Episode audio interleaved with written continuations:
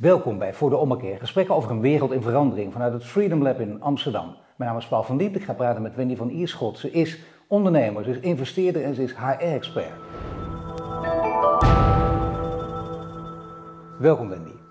Dank je. Ja, het is, eh, kijk, mensen zien jou nu voor het eerst, eh, het, althans in onze omgeving, van voor de ommekeer. We gaan dadelijk praten over jouw expertise, met name als, eh, als HR-expert, waar je alles van weet, waar je ook een, een hele wereld wil gaan omgooien. Ja. Het programma heet niet voor niks, zo voor de ommekeer. Maar eerst even over jouzelf, want ja, je zit hier met, met de zonnebril op en dat is niet omdat je verlegen bent. Nee, of dat ik aan mijn rockstar-imago wil werken, inderdaad. nee. ik heb aan beide ogen netvlieslossatingen gehad met een complicatie waardoor ik aan dit oog een bewegend beeld heb met een vervorming erin. Dus dat stoort eigenlijk, want dat blijkt ook mijn dominante oog te zijn. En het andere oog kan heel slecht tegen licht, maar die moet juist wel meedoen. Dus met deze bril zie je jou minder dubbel dan zonder deze bril. Minder dubbel, maar nog wel een beetje dubbel. Een beetje, ja. Oh, toch ja. wel? Ja. Dus je hebt dan een vrij groot beeld nu tegenover. Nou ja, precies. Ik, eh, gisteren moest ik toevallig voor eh, Afvallen. 150 mensen spreken. eh, een soort eh, kleine HR-bijeenkomst. Dus toen zei ik ook, zien jullie allemaal dubbel? Dus, eh, Heerlijk, dus altijd het volle zalen, ook Altijd geweldig. volle zalen, precies. Ik wil dat ook zo bijna zeggen. Nee, maar is het, is het iets waar je, waar je aan gewend bent? Want ik heb je een, een half jaar geleden gesproken, had je die bril ook al op, nog niet Ja. zo lang. Nee. Je hebt één keer een interview gegeven aan het FD, geloof ik. En Ja. meteen hebben mensen dan ook over de bril. Irriteert of is het een heel, heel leuk handelsmerk geworden?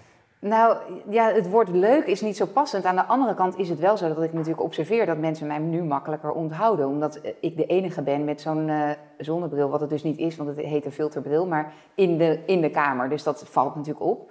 Eh, zelf merk ik het niet meer, want mijn eh, beeld, als, je, als jij een zonnebril opzet, dan wordt het donker, het beeld. Voor mij blijft het lichtgehalte hetzelfde. Eh, en dus ik zie, eh, voor mij is het een gewone bril. Nee, natuurlijk. Maar je hebt er geen last van. Dus eh, Nee. ja, sorry dat ik het woord leuk gebruik, maar we doen het bijna echt letterlijk ook zo. Van, Ja. Dan beginnen mensen daarover. Ja. Mensen onthouden je ook, Ja. weten wie je bent. Ja. Het staat ook goed, inderdaad. Het rockster imago, dat Ja. kan geen kwaad. Ja, nu moet Geen ik er ook een beetje naar leven. Ja. Oh, dat doe je nog niet. Nee, nou ja, ik, heb wel, ik ben nu meer de media aan het opzoeken om eh, ons verhaal te vertellen. En ook omdat ik vind dat er echt iets moet veranderen in het HR-vak. Ehm, dus in die zin ben ik wel ineens eh, meer zichtbaar. En word je ook vaker gezien omdat je zoiets aparts hebt. Hè, Nou, laten we over het. HR-vak dan beginnen. Want Ja. inderdaad, daar ben jij eh, met hele grote dingen bezig. Aan een hele tijd. En eigenlijk heel verstandig. Hè? Een tijd wachten voor je echt iets bedacht hebt, voor je iets hebt neergezet. Ja. En dan pas naar buiten treden. Maar dan gelukkig ook je verhaal echt naar buiten willen brengen. Ja. Dat ga je nu ook doen. Ja. Ehm, HR, even ouderwets, hè, voor mensen die helemaal geen idee hebben. Personeelszaken, zo werd het vroeger altijd genoemd. Nu zijn er sommige mensen die zeggen, je moet een volgende stap zetten. Namelijk noem het customer first. Ja. Dat, dat is weer een hele andere. Maar eerst even HR. Wat is Ja. de stand van zaken en wat wil jij veranderen? Ja, nou, het is wel leuk dat je het hebt over HR, hè, want dat heet dan Human Resources. En eigenlijk willen we allemaal in het vak van die term af. Want het is een soort van alsof we hulpbronnen zijn en, eh, hè, uit, de, uit de Taylorisme met de, de Ford-fabriek. Eh, tegelijkertijd is dat wel de term die de meeste mensen herkennen. Hè. Dus we hebben het nog wel over people operations of we hebben het over eh, tribes. Of ander- maar dat wordt dan in Google of op, op een andere manier helemaal niet herkend. Nee. Ehm, eh, voor mij eh, gaat, uh, moet er een shift plaatsvinden van dat HR eigenlijk veel meer ging over het stroomlijnen van processen in een organisatie als het gaat rondom mensen, naar echt een strategische richting van hey, we, de, de manier waarop organisaties zijn opgebouwd, de cultuur, hoe we samenwerken, wordt steeds belangrijker om het verschil te maken in, in de wereld en ten aanzien van je concurrenten.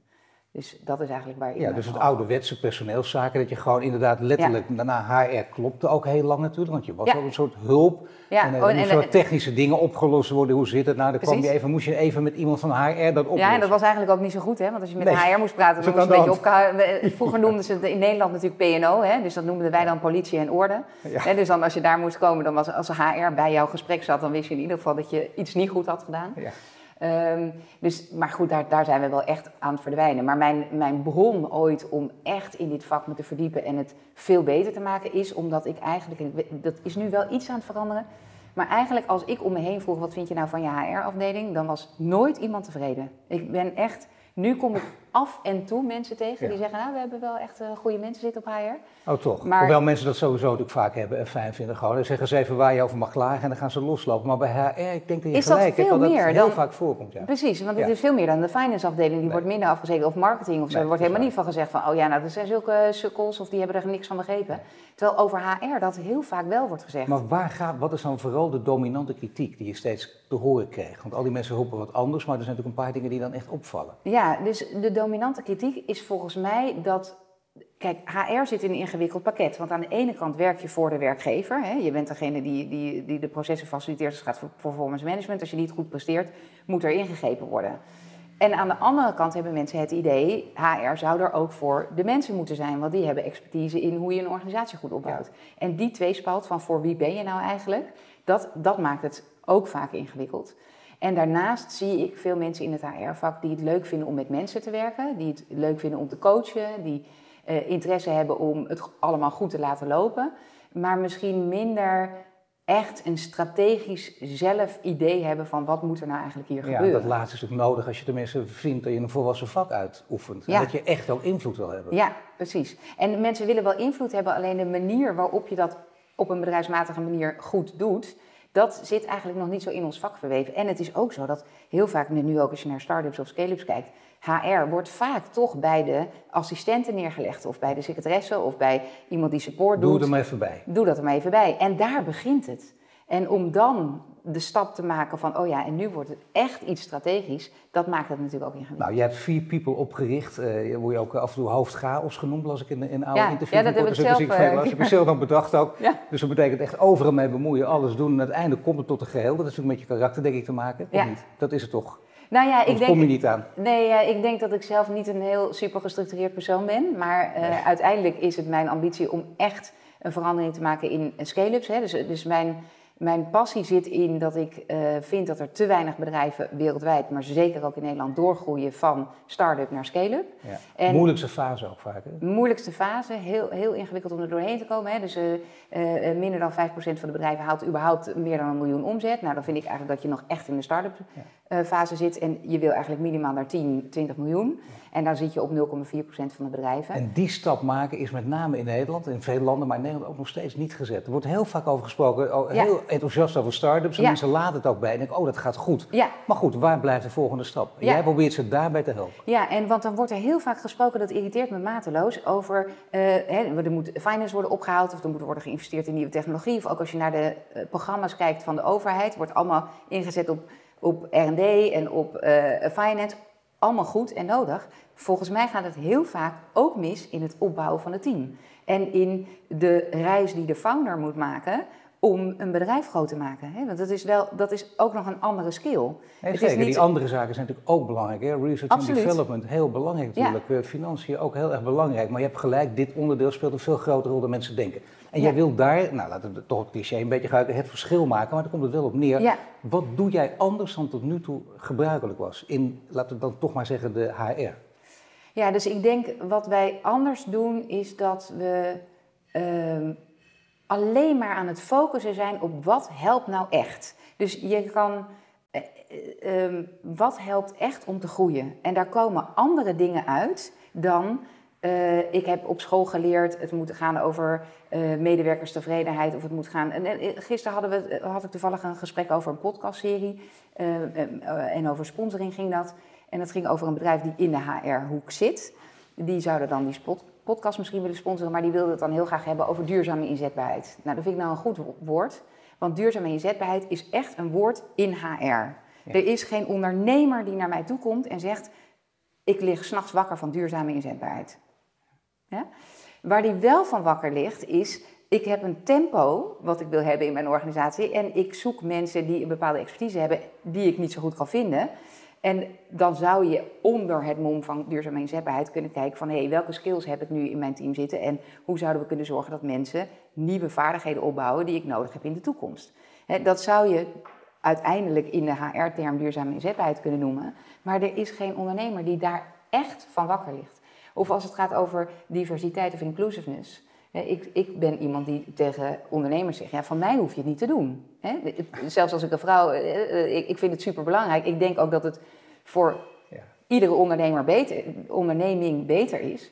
Tenzij jij er eigenlijk helemaal niet in gelooft. Het is iets wat je hebt gehoord en waarvan je denkt, oh ja, ik moet daar ook iets aan doen. En uh, mensen zitten erover te zeuren. Dus ik vind eigenlijk ook, ja, we zitten hier alleen maar met kerels, kan eigenlijk niet meer.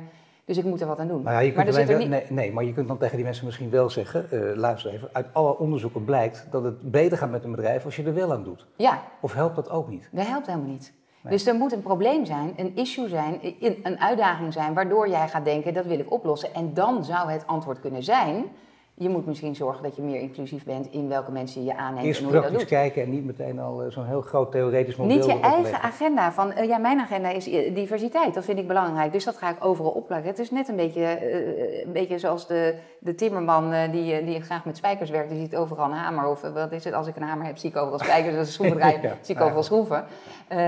Maar maar de, de, de kwestie is open kijken, wat zien we nou eigenlijk hier? En ja, bij de ene ondernemer denk ik, ga er alsjeblieft niet aan beginnen, want het wordt niks. Nee, je ziet dus inderdaad, want ik denk dat dit wel zo is, dan is dat is bijvoorbeeld iets in de mode. Of je kunt ook heel serieus zeggen, er komt uit onderzoek blijkt dat. Ja, Maar dan nog wil het niet zeggen dat het ook voor jouw bedrijf Nee. geschikt is. Kijk daar heel goed naar. Ja, dus, ik, dus ik, ik, ik focus me ook heel erg over alles wat er uit onderzoek komt op het gebied van menselijk gedrag. Dus ik, eh, ik heb ook een samenwerking met Maven Publishing. Die, die geven in Nederland boeken uit eh, van internationale schrijvers en van Nederlandse schrijvers die daar echt iets zinnigs over te zeggen hebben. Ik vind het heel belangrijk dat dat landt in het bedrijfsleven. Maar eh, dat moet landen op basis van dat je ook een uitdaging hebt waarvan ik denk, hé hey, kijk, als je Maar dat kun je, nou wist... makkelijker voor de duidelijkheid, geef, een- geef een voorbeeld van een bedrijf waarvan je zegt, kijk eventjes. Daar is gewoon iemand, wat jij zegt is eigenlijk gewoon, zorg dat je echt je eigen weg gaat. Ja, onafhankelijk van wat anderen roepen, zelfs onafhankelijk van wat er Ja. uit onderzoeken blijkt. Alleen maar als het op jouw bedrijf van toepassing is. dan kom jij binnen, kun je ze helpen. Maar kun je een voorbeeld geven van een bedrijf dat je op deze eigenzinnige manier vooruit hebt geholpen? Nou ja, bijvoorbeeld, ik heb, ik heb voor een bedrijf gewerkt, dat vond ik fantastisch. Dat was, een- dat, daar zat een directeur die zo ontzettend intelligent was. Die heb ik nog nooit op een denkfout kunnen betrappen. Echt, ook veel intelligenter dan ik zelf. Dus echt dat nee, ik dat dacht, kan niet. Nee, dat- kom op. Nee, je kan. moet niet hele gekke dingen. Dat is gewoon, gewoon niet zo makkelijk. echt dat Die ik dacht, er zit gewoon Ja. geen, geen Ja. fout in het denkpatroon. Ja. Maar eh, eh, op sociale skills minder, eh, minder begaafd. Ah, gelukkig, dat ja. wist hij ook, want hij zei ook van ja, als ik dat ook had gekund, dan was ik wel de directeur van Unilever of van Shell of Philips geweest. Dat ben ik dus niet. Prima. Ehm, dan zegt zo'n man van, ik vind het belangrijk dat er een cultuur is van open en eerlijkheid. En dat mensen vragen kunnen stellen en vooral ook vragen aan mij, want ik ben be- behoorlijk intelligent. Dus ik begrijp niet waarom ze niet in mijn kamer komen om mij eh, vragen te stellen. Maar dat had hij dus zelf wel ontdekt. Dit is, dit is gewoon los van alle onderzoek. Dit is gewoon iets wat, je, wat jou ook aanspreekt. dit is echt het probleem. Zo kan hij verder komen. Precies, dus ik Het weet... begint wel met zelfkennis. Absoluut. Dat moet hij wel weten. Absoluut. Dus ik weet, uit onderzoek blijkt, kwetsbaarheid, openheid en eerlijkheid, hè, frank and sincere honesty, superbelangrijk voor een goede cultuur. Ja, dus wij zeggen ook, eh, aan de ene kant, als je wil dat er psychological safety is, dus als je mensen zich veilig voelen in een organisatie, dan komt er veel meer vernieuwing, want dan kan je nieuwe ideeën roepen. Oké, dus onderzoek, je hebt helemaal gelijk. Maar wat deed die man nou in de praktijk? Die kon helemaal niet zo goed zijn woede onder de pet houden, als eh, hij dacht, hoe kom je aan zo'n stom idee? Je kan toch al lang van tevoren zien dat je hier een doodlopende straat in bent Dus hij had gelopen. drift bij, je was er ook veel te open en zei tegen iemand, nee, onzin, flauwekul. Flauwekul, jezus Ja. Mina, hoe kan je... eh, Is dit wat je nu... Heb je hier nu drie weken over zitten nadenken? Zo, Eh, ja, weet je wel, dat had ik Nee, in weet een halve middag kunnen ja, doen. Nee, zeker, ja, Ja? geweldig. Ja. ja, heerlijk, ja. Dus, en hij begreep niet dat mensen dan niet meer bij hem binnenkwamen. Ja? Dat dat Nee. natuurlijk afgelopen. nee, dat is, dus eh, als ik twee, twee keer binnenkom en ik word daar een beetje en ik ga zo naar buiten en denk, oh god, wat ben ik een dommerd. Dan je hebt het gevoel dat je in, in, in, in no tempo wordt afgezekerd. Precies. En wat dan heel weinig mensen kunnen zeggen tegen zo iemand, is: als jij boos wordt, gaat hier nooit meer iemand binnenkomen. Daarnaast krijg je nooit een open en eerlijke cultuur. Van mij zeg ik dan weer: hoef je dat niet te doen. Hè? Het is jouw bedrijf. Jij mag kiezen wat jij wil. Alleen als jij zegt: dit is mijn doel, dan moet jij of nu denken: ik ga hier wat aan doen aan deze skill. En ik heb ontzettend veel respect voor ieder ondernemer. Hè? Dus je krijgt bij mij nooit het gevoel van, oh, eh, ze vindt mij niet goed of zo. Want ik denk gewoon, je bent geweldig. Ik bedoel, je bent hartstikke ver gekomen. Je hebt heel veel omzet. Nou ja, en je ziet zelf ook Eh, wat je, wat je fout doet en waar, waar je ja. beter in kan worden. Absoluut. Maar jij moet wel, Maar je, je kunt- moet je, zou ook, je zou ook in dit geval tegen iemand kunnen zeggen, ik snap het en zo, je, Ja. fantastisch dat je je karakter wil veranderen, maar ik weet niet of je dat nou verder gaat helpen. Of zeg je, je hebt gelijk, dan moeten we gaan werken, want dit kan je verder helpen. Nou ja, dat kan je verder, maar het moet wel jouw keuze zijn of je dat wil. Ja. En wat je veel ziet in mijn vak, is dat ik dan eigenlijk bepaal, jij zou moeten veranderen. Want jij zegt dat je dit wil en nou verdorie doe je er niks aan. Ik denk dat ik heel goed begrijp hoe moeilijk dat is. En je kunt ook kijken naar, hey, kunnen we misschien andere mensen om jou heen zetten? Kunnen we het team veranderen? Ben je eigenlijk wel op de juiste plek als de CEO? Hè? Zou met dit karakter je niet veel beter in de strategische rol kunnen ja, zitten? Ja, maar oh, wacht even. Tegen deze man bijvoorbeeld, deze Ja. eigenwijze figuur, die dus ook heel goed is, niet op een denkfout te betrappen, heb jij dit gezegd? Ja. Dat ik denk dat hij, ja, dat hij niet goed is op deze plek. Nou ja, dat we daar goed over na moeten denken. Of dat, eh, en, maar dan in een open en eerlijk gesprek. Ga ik natuurlijk niet doen met het hele managementteam erbij en dan zeggen van hé hey joh, heb je daar wel eens over nagedacht? Maar in een één op één gesprek kan je dat heel goed zeggen.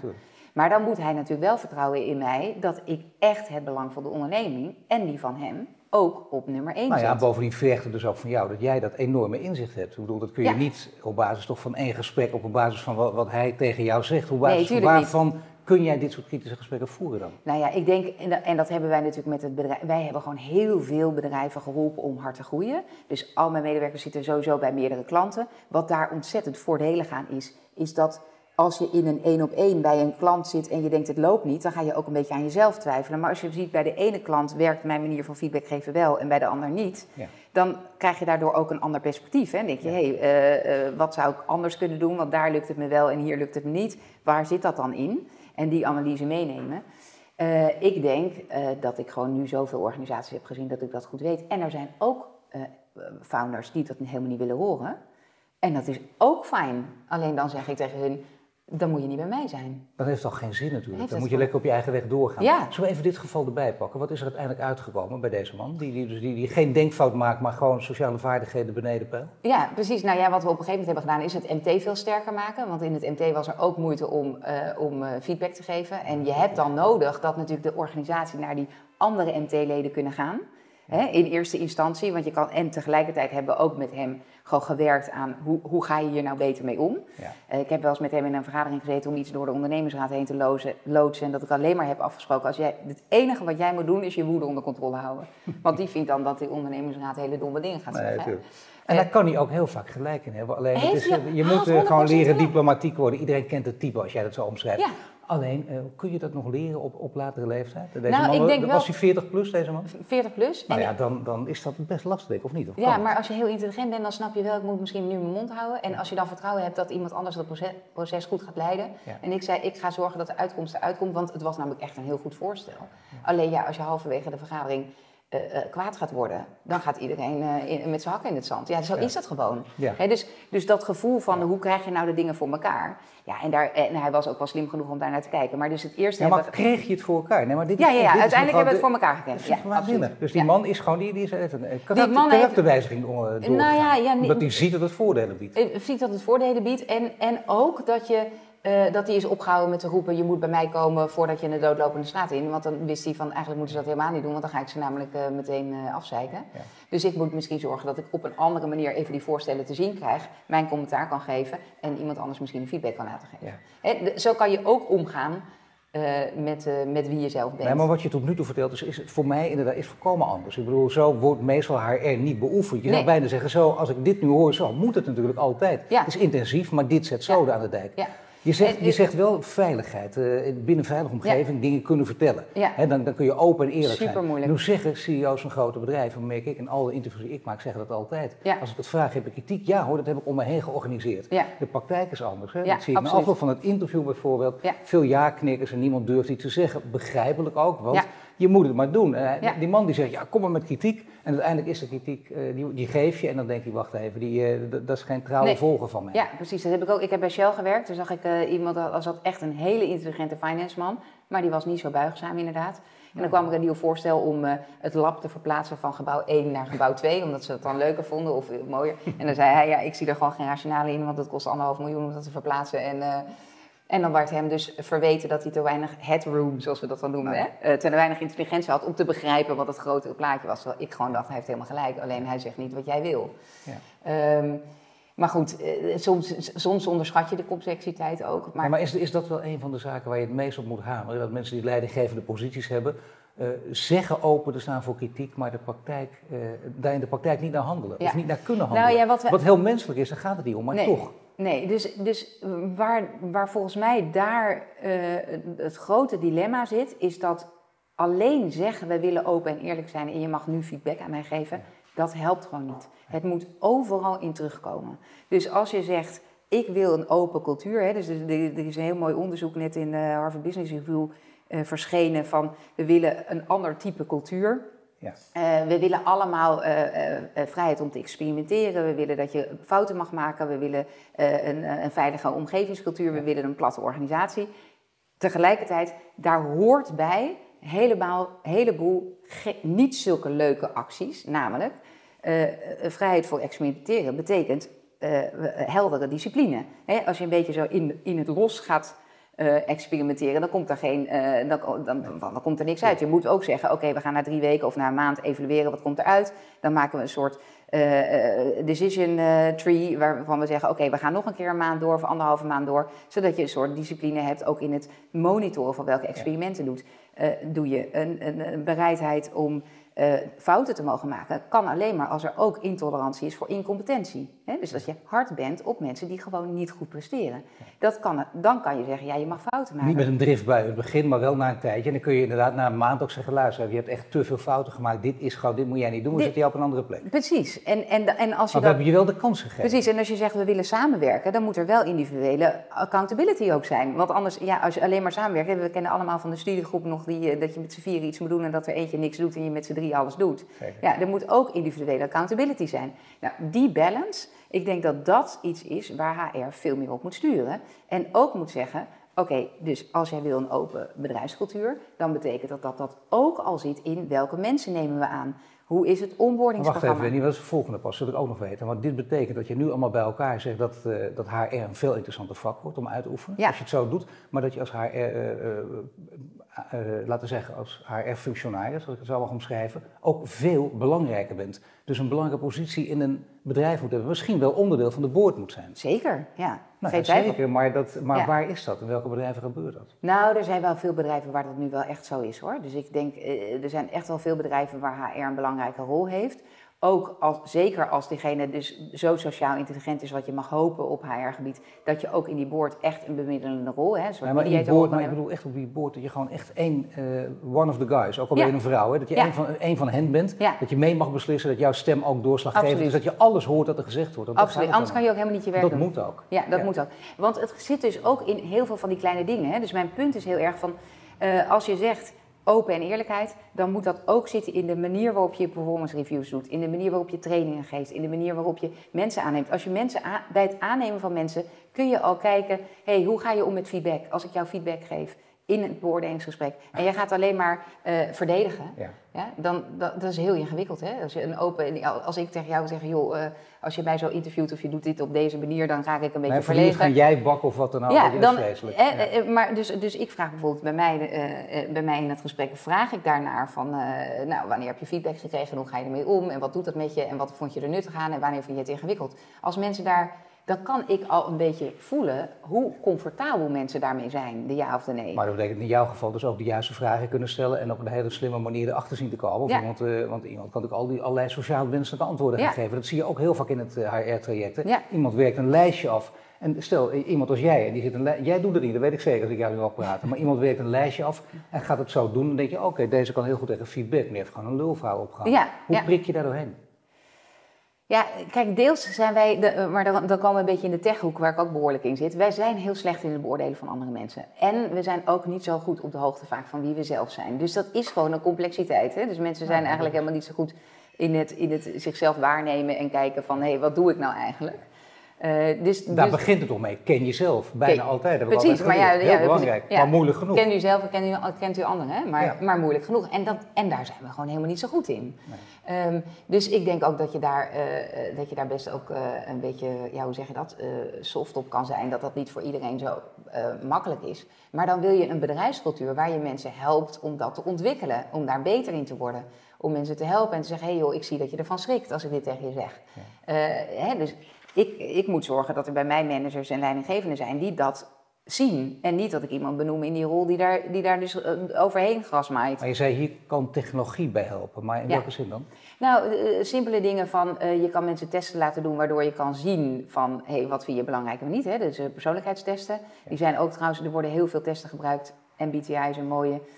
die wordt nog steeds gebruikt. Helpt ook best, want je je maakt een gemeenschappelijke taal, maar de tekst is zo invalide als het maar zijn kan. Hè? Als je hem een jaar later invult, kan er gewoon iets anders uitkomen. Ja, daarom. Dat, ja. Um, dus, maar goed, er zijn ook echt goede testen in de wereld die je best kunnen helpen over... Is er één die jou nu te binnen schiet? Want dat zou mooi zijn natuurlijk. Hè? Ja, dus de Facet, de Facet 5 vind ik een, echt een hele goede test. Die geeft zowel een persoonlijkheidsprofiel als uh, hoe moet een leidinggevende met je omgaan en hoe ben jij als leidinggevende naar anderen toe en wat zijn dan je valkuilen. Ik vind dat dus altijd hilarisch om van mezelf te lezen. Hè? Dat je echt denkt, oh mijn god, dit ben ik echt inderdaad. En, en dat uh, toegeven ook en, en daar wat mee kunnen doen. Ja, ja, ja, ja. ik heb zelf ook wel moeilijke dingen hoor. Dus dat ik, dat nou, ik noem ook... eens wat. Kom op, we zitten nu toch een tijdje Ja, ik zal eentje, één echt goed voorbeeld geven. Um, mensen in mijn bedrijf hadden, een, uh, ik denk twee, drie jaar terug, heel erg behoefte aan meer helderheid over de rollen. Want wij hebben, dus als we bij een klant zitten, dan heb je een HR-partnerrol. Dat is eigenlijk iemand van mijn niveau die gewoon echt met een ondernemer kan sparren. Waar sta je nu? Waar gaan we naartoe? En, maar die is vaak maar een halve dag per week of een halve dag per maand nodig in een kleiner bedrijf. Hè? Maar dat is wel heel fijn voor dat bedrijf, want dan heb je tenminste echt iemand op jouw niveau die al meer bedrijven zover heeft zien komen. En je hebt de HR-adviseur, die zit gewoon day-to-day bij jou. Die doet uh, de operationele dingen, die is ook hartstikke slim, minimaal WO, uh, sommigen met een HBO, maar WO-intelligentie. En die doet de day-to-day operations en die denkt ook, want ieder HR-besluit is een strategisch besluit, ja. maar dat is weer een ander verhaal. Um, maar die rolverdeling van wat doet nou precies een HR-partner en wat doet nou precies een HR-adviseur en hoe werk je samen in dat team, dat is een beetje vaag. Dat komt door mij. Want jij ik, was niet duidelijk genoeg. Ik was niet duidelijk genoeg, maar ik vind ook echt dat ik denk, ja, als ik tegen jou ga zeggen, Paul, jij mag alleen maar dit doen, en ik zeg tegen iemand anders, jij mag alleen maar dat doen. Ja. Dan ben ik bang dat als jullie bij de klant zitten en er valt iets in het midden, dat jij gaat zeggen, ja nee, dat doe ik niet, ja. want dat stond in mijn Dat lijkt me eerder gezegd logisch. Ik denk dat je daar juist gelijk in hebt, maar jij vindt toch dat je... Dus ik dacht, ik moet juist zorgen dat het een beetje vaag is, want jullie moeten er gewoon samen naartoe gaan. En bij iedere klant is het ook wat anders. De ene klant heeft wat meer HR-partner nodig, de andere wat meer HR-adviseur. Nou, dat kan je... Ieder, ieder persoon is anders, de klik kan anders zijn met het bedrijf, dus daarmee kunnen taken verwisselen. Dat is dus onduidelijk in het bedrijf. Dus daar kregen wij feedback op van we willen daar meer helderheid over hebben. En uh, dat uh, had ik de eerste keer een beetje genegeerd, moet ik eerlijk zeggen. En, uh, of dan hoor ik dat wel en dan denk ik, ja, je hebt wel gelijk. Ik, ik snap het, geloof ik. Maar het blijft bij mijn opinie dat ik denk, ja, hoe meer ik het vastzet, hoe minder flexibiliteit. Ja. Toen op een gegeven moment hadden we een, een teammeeting en daar had ik ook gezegd, want dan merk ik van ze, hebben het, ze willen het echt. Dus dan had ik gezegd, oké, okay, nou we gaan dat een belangrijke prioriteit maken, gaan we daar de komende twee maanden mee. Toen heb ik dus na een half uur heb ik gezegd, jongens, ik moet toch er even op terugkomen. Want ik merk gewoon dat ik die actie, dat ik weer denk, wat een onzin eigenlijk. En, en ik weet dat het niet zo is, hè? En, en ze kennen mij allemaal heel goed. Ze weten meteen dat ik echt niet vind dat wat zij zeggen onzin is, hè? Maar ik als persoon vind het gewoon onzin. Of ja. ik weet het niet, ik kan er niks mee. Dus daar hebben we het over gehad. Ik ga dat gewoon niet doen. Ik ga het gewoon niet doen. Dus we moeten het erover hebben. Het is, ik, ik erken er is hier iets wat we echt moeten oplossen met elkaar. Maar intuïtief, gevoelsmatig zeg jij, doe mij... het niet. En dan, als je dat vindt, dan is dat gewoon wat jouw willenswet dus, moet ik ook eerlijk zijn. Dus gewoon zeggen, jongens, ja, bij mij is... Dus toen hebben we het erover gehad. Dan moest iedereen natuurlijk even een beetje wennen. Van, oh ja, oké, okay, oh, ze gaat het niet doen, prima. Dus, maar goed, ik was wel open voor hoe kunnen we dat dan oplossen. Maar dit gaat gewoon niet bij mij vandaan komen. Want ik merk nu weer dat ik zit er naar te kijken en denk, oh, dan heb ik dat actiepunt toegezegd. Maar dit is gewoon niks voor mij. Nee, en ik denk dat dat... Uh, ook belangrijk is dat je gewoon goed weet waar je jezelf goed in bent. Maar je zei al, dat is wel een heel groot punt natuurlijk in dit hele vak van jou ook. Uh, ken jezelf is belangrijk, maar ook ken de ander. Uh, je zit met iemand te praten twee uur, dan kun je een bepaald beeld hebben. Ja. Ik merk het ook als ik gewoon met, met mijn journalistieke werk, laten we ja. zeggen, een persoonlijk gesprek met iemand heb. Ja. Dan kun je het idee hebben, je hebt het heel goed voorbereid, met mensen om in de omgeving gebeld en je weet alles, het echt een persoonlijk interview. Maar inderdaad, een jaar later kan het heel anders zijn. Je moet nooit de arrogantie hebben om te denken dat dat het verhaal is, ooit met iemand. Precies, ja. En bovendien, dat vind ik ook heel erg moeilijk, en dat zul jij denk ik ook herkennen, en ik weet niet of het zo is, dan moet je maar zeggen, maar uh, kun je iemand ook, ook al heb je het goed voorbereid en heb je een heel goed intensief gesprek, een persoonlijk gesprek, kun je iemand kennen in, in, in één gesprek? Dat is nou zo'n heel lang gesprek? Nee, nee, nee, nee, nee, nee, absoluut niet. Nee. Ik denk wel dat je, dat je een Kijk, ik denk deels het succes als je iemand aanneemt, hè, want je hebt het al voornamelijk ook over selectiegesprekken. Ja. Deels zit natuurlijk ook in uh, de bereidheid van ons om het met elkaar een succes te maken. Ja. Dus ik denk een deel van het gesprek zit ook gewoon in: heb ik zin om in jou te investeren? Wil ik met jou werken? En heb jij zin om uh, jouw energie uh, te geven aan mijn Zeker. bedrijf? Zeker. En dat wordt ook heel vaak onderschat. Hè, dat een selectieproces is natuurlijk ook een verkoopproces. Zowel van, van het bedrijf als van de medewerker. Ja. Nu uh, vind ik nog veel te vaak dat bedrijven uh, helemaal niet bezig zijn met zichzelf verkopen ook. Dus dat de, de manier waarop je mensen ontvangt, maar ook we hebben bij Protix is toevallig laatst op het nieuws geweest met een nieuwe fabriek. ja, dat moet je even vertellen. Ja, dat is een geweldig bedrijf. Ken ik ja. toevallig ook. Maar ja. een beetje een ingewikkeld bedrijf. Het zit in de groene wereld ook. Ja, ze maken, een berg op zoom, maar het is heel groot. Dat ze maken proteïne uit insectenlarven. En het is een bedrijf waar wij zijn gestart toen zij nou, nog echt heel klein waren. En, en, maar met hele grote, goede ambities. Ehm, Heel veel fouten ook gemaakt. Die zeggen ook tegen investeerders van eh, geef ons meer geld, want wij gaan de eerste jaren fouten maken. Ja. Volkomen open en eerlijk daarin. Maar Precies. zijn ook langzaam heel groot gegroeid. En ik denk dat over vijf jaar iedereen weet wat Protix is. Absoluut, ja, 100% zeker. En Kees, eh, de, de founder, is ook Kees echt, echt ja. een hele goede vent. Ehm, maar ja, goed, als je zo'n bedrijf begint, niemand kent het. Nee. Dus, eh, en, en, en mensen komen daar niet solliciteren, want je hebt geen idee. En daarbij zit het in Dongen en nu, en nu, en nu hebben ze al een nieuwe fabriek eh, eh, een stuk verderop gebouwd. Maar goed, in Brabant, ja... Nee, maar Berg op Zoom. Maar daar, Ja. waar ga je daar naartoe, inderdaad. En Protix, wat is het? En toch zegt hij steeds, ik weet de beste mensen aan mij te binden. Ja, Maar hoe precies. kan dat dan? Maar nou ja, daar hebben we dus heel veel energie in gestopt om na te denken, wat zijn nou mensen die bij ons passen? Hè? Met name die operators is een moeilijke doelgroep om te bereiken. Eh, toen hebben ze op een gegeven moment gezegd, oké, wij willen dat we mensen aantrekken die willen pionieren, die eh, geen nummer zijn in een fabriek, hè, eh, persoonlijkheid. Maar dat moet dan terugkomen in je campagne, in, eh, in je werken bij site. Dat je ziet van, hey, je, hè, dat er persoonlijke verhalen opstaan van operators die er al werken. Eh, dat je, ze zijn op een gegeven moment speeddates gaan organiseren, dus meerdere operators tegelijkertijd uitgenodigd met de managers om met elkaar in contact te komen. Wat een heel leuk feestelijk iets is, met, met ook nog hapjes van insecten. Ja, Hè, dus dat je, Ja. dat je er echt een evenement van maakt. En dan maak je er ook een verkoop van. En mensen waren daar zo enthousiast over dat zij naar huis gingen. Er waren best in de eerste categorie mensen best veel, veel die er afvielen later weer. Maar die waren zo enthousiast over hoe dat allemaal georganiseerd werd, dat ze dat thuis gingen vertellen aan hun vrienden en vriendinnen, die dan de volgende keer ook kwamen. Ja, dit is een kijken. fantastisch verhaal. Echt een heel goed voorbeeld. Want ik ken, het- omdat ik het bedrijf ook goed ken, ik weet dat je volkomen gelijk hebt wat je nu zegt. En bovendien, dit is ook uiteindelijk het verhaal. Hoe trek je de beste mensen aan op Ja. een krappe arbeidsmarkt? Want ga ik maar zeggen, ik werk bij Protix Ja. in Berg op Zoom. Jij, en dan ben je ook In een de alle gebieden. De hele familie dacht, nou die gaat het maken. Ja. En wat ga je doen? Dan moet je toch daar het enthousiasme over kunnen uitstralen. Ja, en dan moet je dus ook een verhaal meekrijgen in, in de sol- sollicitatiefase en al daarvoor. Hè, want je hebt zo'n soort eh, AIDA eh, van awareness, interest, eh, desire en action modelletje. Dus je moet daar ook zorgen dat je informatie de wereld instuurt waarmee je dat opbouwt. Zodat mensen ook een beetje awareness krijgen. Waar gaat het eigenlijk over? Maar ook andere kant. Hè, we moesten daar ook natuurlijk, de managers die er al zaten, die dachten wij moeten de beste mensen binnenhalen, want wij worden gewoon een topbedrijf. Ja. Maar het is net als een beetje met daten. Ja, als jij eh, eh, er nog niet uitziet als die eh, grote bink die naast je staat met allerlei toeters en bellen. En je hebt ook nog niet het salaris te bieden wat anderen misschien wel kunnen bieden. Ja. Dan moet je je ook realiseren dat je misschien wat breder moet openstellen voor een ander profiel. Hè, dus dat is een mooi voorbeeld. Bij McKinsey hebben we een tijd, maar dat is al jaren geleden, hebben we heel veel, makkelijk vertellen. nou, hebben we heel veel recruitment gedaan. En eh daar ging het ook over diversiteit. Want daar, daar zit gewoon een heel strak systeem op van eh, hoe selecteer je mensen. Hè? Dit is echt, echt al meer dan vijf jaar geleden. Eh, je weet gewoon dat je een stuk van de mensen afwijst die net zo goed, zo niet, misschien wel beter zouden zijn. Maar als je duizend sollicitaties krijgt en je hebt er maar veertig nodig, hoe erg is het dan dat je er ook veertig afwijst die net zo goed zouden kunnen zijn? Maar, maar wij werken vaak voor bedrijven waar je die luxe helemaal niet hebt. Hè? Waar je soms ook nog een beetje moet denken van... hé, hey, oké, die heeft misschien niet net een ander cv... maar die heeft wel... Hè, ze hebben nu bij Protix ook eh, hebben ze een open vacature... en daar kijken we alleen maar naar jouw intrinsieke motivatie... om echt te pionieren op dit gebied. En dan kijken we later of er een job is die bij jou past. Nou, dat zijn manieren om, eh, om ook engineers bijvoorbeeld eh, aan Ja, te er zijn trekken. heel veel mensen wel bang voor natuurlijk. Dus, oh, dat is een nieuwe methode, zijn we niet gewend. Is er een boekje waar het allemaal wel of niet in staat? Ja. En zo. Je moet ook daar dus een open leider hebben die het Ja. gewoon aandurft. Ja, precies. En niet zomaar omdat die, dat die, die zomaar roekeloos is, maar gewoon een heel uh, nou, gewoon verantwoord Nou ja, en als één. Kees één ding niet is, dan is het roekeloos. hoor. Nee, Want eh, zelfs ik, risico's. als ik met hem aan tafel zit, moet ik ook echt op mijn curieven zijn. Want voor je, voor je het weet, is de prijs door de helft en dan gaan wij twee keer zoveel doen. Hè? Zo, Nou prima, dat is ook belangrijk.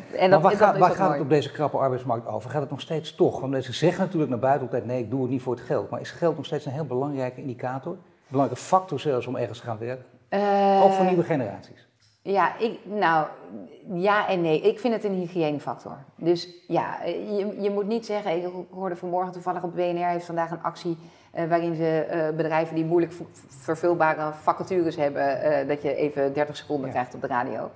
En dan hoorde ik bijvoorbeeld vanmorgen een langskomen voor een developer... waarvan ik denk, ja, je vraagt heel veel en je geeft een salaris erbij... waarvan ik denk, dat is lager dan een startersalaris. Ja. Dus eh, dat kan niet Nee. denk ik.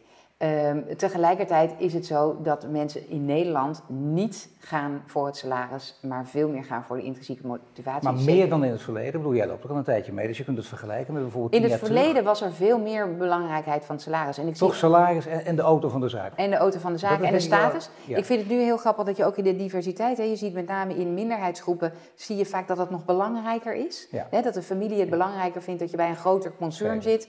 Of hè, die, die auto van de zaak en, en de status die Uit hoort. mijn wereld, die willen juist geen journalist worden, maar wel arts en, eh en Ja, notaris. ja, dat is precies. gewoon, dat is allemaal, Ja. dat mag je niet zeggen, maar dat is dan een inhaalfase. Ja, ja, en nu is, dat, nu is dat wel aan het veranderen. Het salaris is belangrijk. Je moet je, moet, je, vergele- je, moet je niet eh, eh, beschamen dat je echt denkt van ja, sorry, maar je onderschat mij of je, het is Tuurlijk. geen fair voorstel. Nee, hygiënefactor, dat vind ik een heel goed woord. Precies, dat is het. En, en, en het moet vooral in vergelijking. Kijk, Maar mag ik even, je- want dat vind ik interessant, het is geen sprookje. Het is niet zomaar een verhaal dat, dat leuk voor de buitenwereld te vertellen is. De nieuwe generatie is, is minder geïnteresseerd in status en geld, vindt het nog belangrijk, maar minder dan voorga- voorgaand. Jouw eh, idee is dat het echt zo is. Mijn idee is dat het echt zo is. Wel belangrijk om erbij te zeggen dat ze dus veel meer geïnteresseerd zijn in wat ga ik daar doen, hoe ga ik me ontwikkelen, wat is de cultuur en de sfeer in dit bedrijf. Dus het is, eh, het is een beetje verschoven. Dus eh, het be- belang van, oké, ik krijg daar een supergoed salaris en ik moet me helemaal... Hè, wat je nu in China ziet, dat mensen eh, vertrekken voor 10 euro meer op maandbasis. En dan moeten ze vier uur extra per week overwerken, maar dat is niet belangrijk, want ik ga gewoon naar die andere baan, want dan heb ik 10 euro meer aan het einde. Hè, dat is natuurlijk een totaal andere wereld. Dat, dat heb je hier niet. Eh, eh, maar het is niet zo dat we zeggen, we salaris is minder belangrijk en voor de rest maakt het ook niet uit. Nee, die eisen zijn gewoon verplaatst. Dus je wil nu, eh, mensen in mijn team die worden voortdurend gebeld door Netflix, door, door Google, door eh, allemaal Ja. topbedrijven. Dus je weet gewoon, als je een paar jaar bij ons hebt gezeten, hoop ik natuurlijk dat ze bij mij blijven. Maar dat je wel een springplank weer hebt naar, naar dat je echt wat geleerd Ja, maar zijn hebt dat de grote bedrijven waar jongeren, of laten we zeggen mensen die eh, 30, 40 gaan worden, die willen echt uiteindelijk daar terechtkomen? Liefst bij Google of bij, liever dan bij Prodix bijvoorbeeld? uiteindelijk? Nee, nee, ja. Er zijn zoveel leuke zijn- kleine bedrijven die Ja, ook heel precies. interessant kunnen zijn. Ik Precies. merk het om me heen ook. Hè. Mensen zeggen, ik werk veel liever daar dan bij Netflix. Ja, ja. Het- het is, eh, ja, Netflix is nog wel in Nederland nog wel relatief klein, maar ik vind het heel moeilijk om daarin te generaliseren. Want eh, ik zou geneigd zijn in de wereld waarin ik zit om te zeggen, ja, je hebt gelijk. En het is ook zo dat de grotere corporates echt veel meer moeite hebben om goede mensen aan te trekken. Ehm, maar om te generaliseren van, ja, Ja, mensen willen dat, willen dat allemaal, dat weet ik ook niet. Want, want wat namelijk het grote verschil is, er wordt ook echt iets anders van je verwacht in die kleinere bedrijven. Dus je moet ook eh, met je handen uit de mouwen opstropen en eh, er is geen secretaresse en je moet zelf de kopieerapparaat bedienen. En, en als de koffie op is, moet je dat zelf gaan halen bij de Zelf Albert Heijn. koffie halen, ja, Ja. kom op zeg. Nee, maar- Veel gekker moet niet worden. Ja, Nee, maar, ja. nou ja, dus heel veel mensen die bijvoorbeeld, ik heb, ik heb in het begin nog wel, de, eh, de- ook wel fouten gemaakt, dat ik mensen aannam van grote bedrijven, was ik zelf helemaal onder de indruk, oh dat is cool, die willen bij mij komen werken. En eh, nou, vond ik ook wel, eh, vond ik fantastisch, want dan dacht ik, heb ik ook nog iemand die, eh, want ik kom zelf ook van Shell vandaan. dus Nee, ik maar dat is wel verleidelijk ook. ja, dat is verleidelijk. Ja, maar ja, die hadden dan echt om met de voet in de modder te staan. Hè? Om het echt te begrijpen, waar heb ik het eigenlijk over? En de hele tijd in- en uitzoomen, zoals wij zeggen. Toch te veel luxe poppetjes, uiteindelijk. Nou ja, het is gewoon een andere. Toen ik Ja. begon bij Shell had ik meteen een secretaresse. En ik heb nooit daar enige, enige administratie hoeven doen. Ja, dat, ik, ik moet nu nog steeds administratie doen, ja. Ja. Nou en? Nee, Ja. oké, dat zeg je zelf nu ook. Dus je ziet, dat je, daar kun je gewoon beter van worden. Wat Ja. wil je uiteindelijk bereiken? En dan gaat het niet over waar wil je over tien jaar staan. Dat vind ik allemaal flauwekul, dat kan je niet zeggen. De, de wereld verandert te snel, er gebeuren te veel dingen. Maar je wil wel een ommekeer teweeg brengen. Je hebt Ja. al een heel verhaal verteld. Hè? Is al duidelijk welke richting het opgaat. Ja. Maar wat is voor jou ideaal? Als jij zegt, ik wil... eh, ik, straks moeten mensen mij herinneren als Wendy van Oorschot, die heeft de HR-wereld eh, omgekeerd. Ja, Op zijn van gezet. Ja, eh, ik wil heel graag dat mensen, dat iedereen een betekenisvolle baan heeft. Dus dat je werk doet waarvan je denkt, dit draagt echt ergens toe bij. En dat we met elkaar op een manier omgaan dat je gewoon met enthousiasme weer terug gaat naar huis. Kijk eens even, Wendy van Ierschot, hè, de naam die, die gaan we erin rammen, die mag nooit vergeten. Wendy van Je bent Ierschot. niet de enige die dat... eh, Opening gewoon echt schandalig. Maar ze heet dus Wendy ja. van Ierschot. Ja, ze is nu nog een beetje onbekend, maar wordt steeds bekender. Let Ja. maar op. Overal straks in de media te zien. Dankjewel. Over een jaartje praten we weer. En eh, nou ja, dan, mag ik blij zijn dat je aan deze tafel zit. hè. Nou ja, ik hoop dat, ik, eh, dat, dat in ieder geval hè, dat, dat gevoel van. nu hebben toch heel veel mensen het idee van: ik kan niet mijn capaciteiten kwijt. Hè? Dus als je, Zeker. als je vraagt: wordt er 100% van jouw potentieel benut? Dan, dan, dan is er heel weinig mensen die zeggen ja. En dat vind ik gewoon zonde. En dat Natuurlijk. kan ook nu niet meer. En zeker niet als we in Nederland nog een beetje een belangrijke rol willen spelen in de wereld. Oké, Moeten we gewoon veel werk aan de winkel. Oké, Wendy, dank je voor dit gesprek. Dank je wel.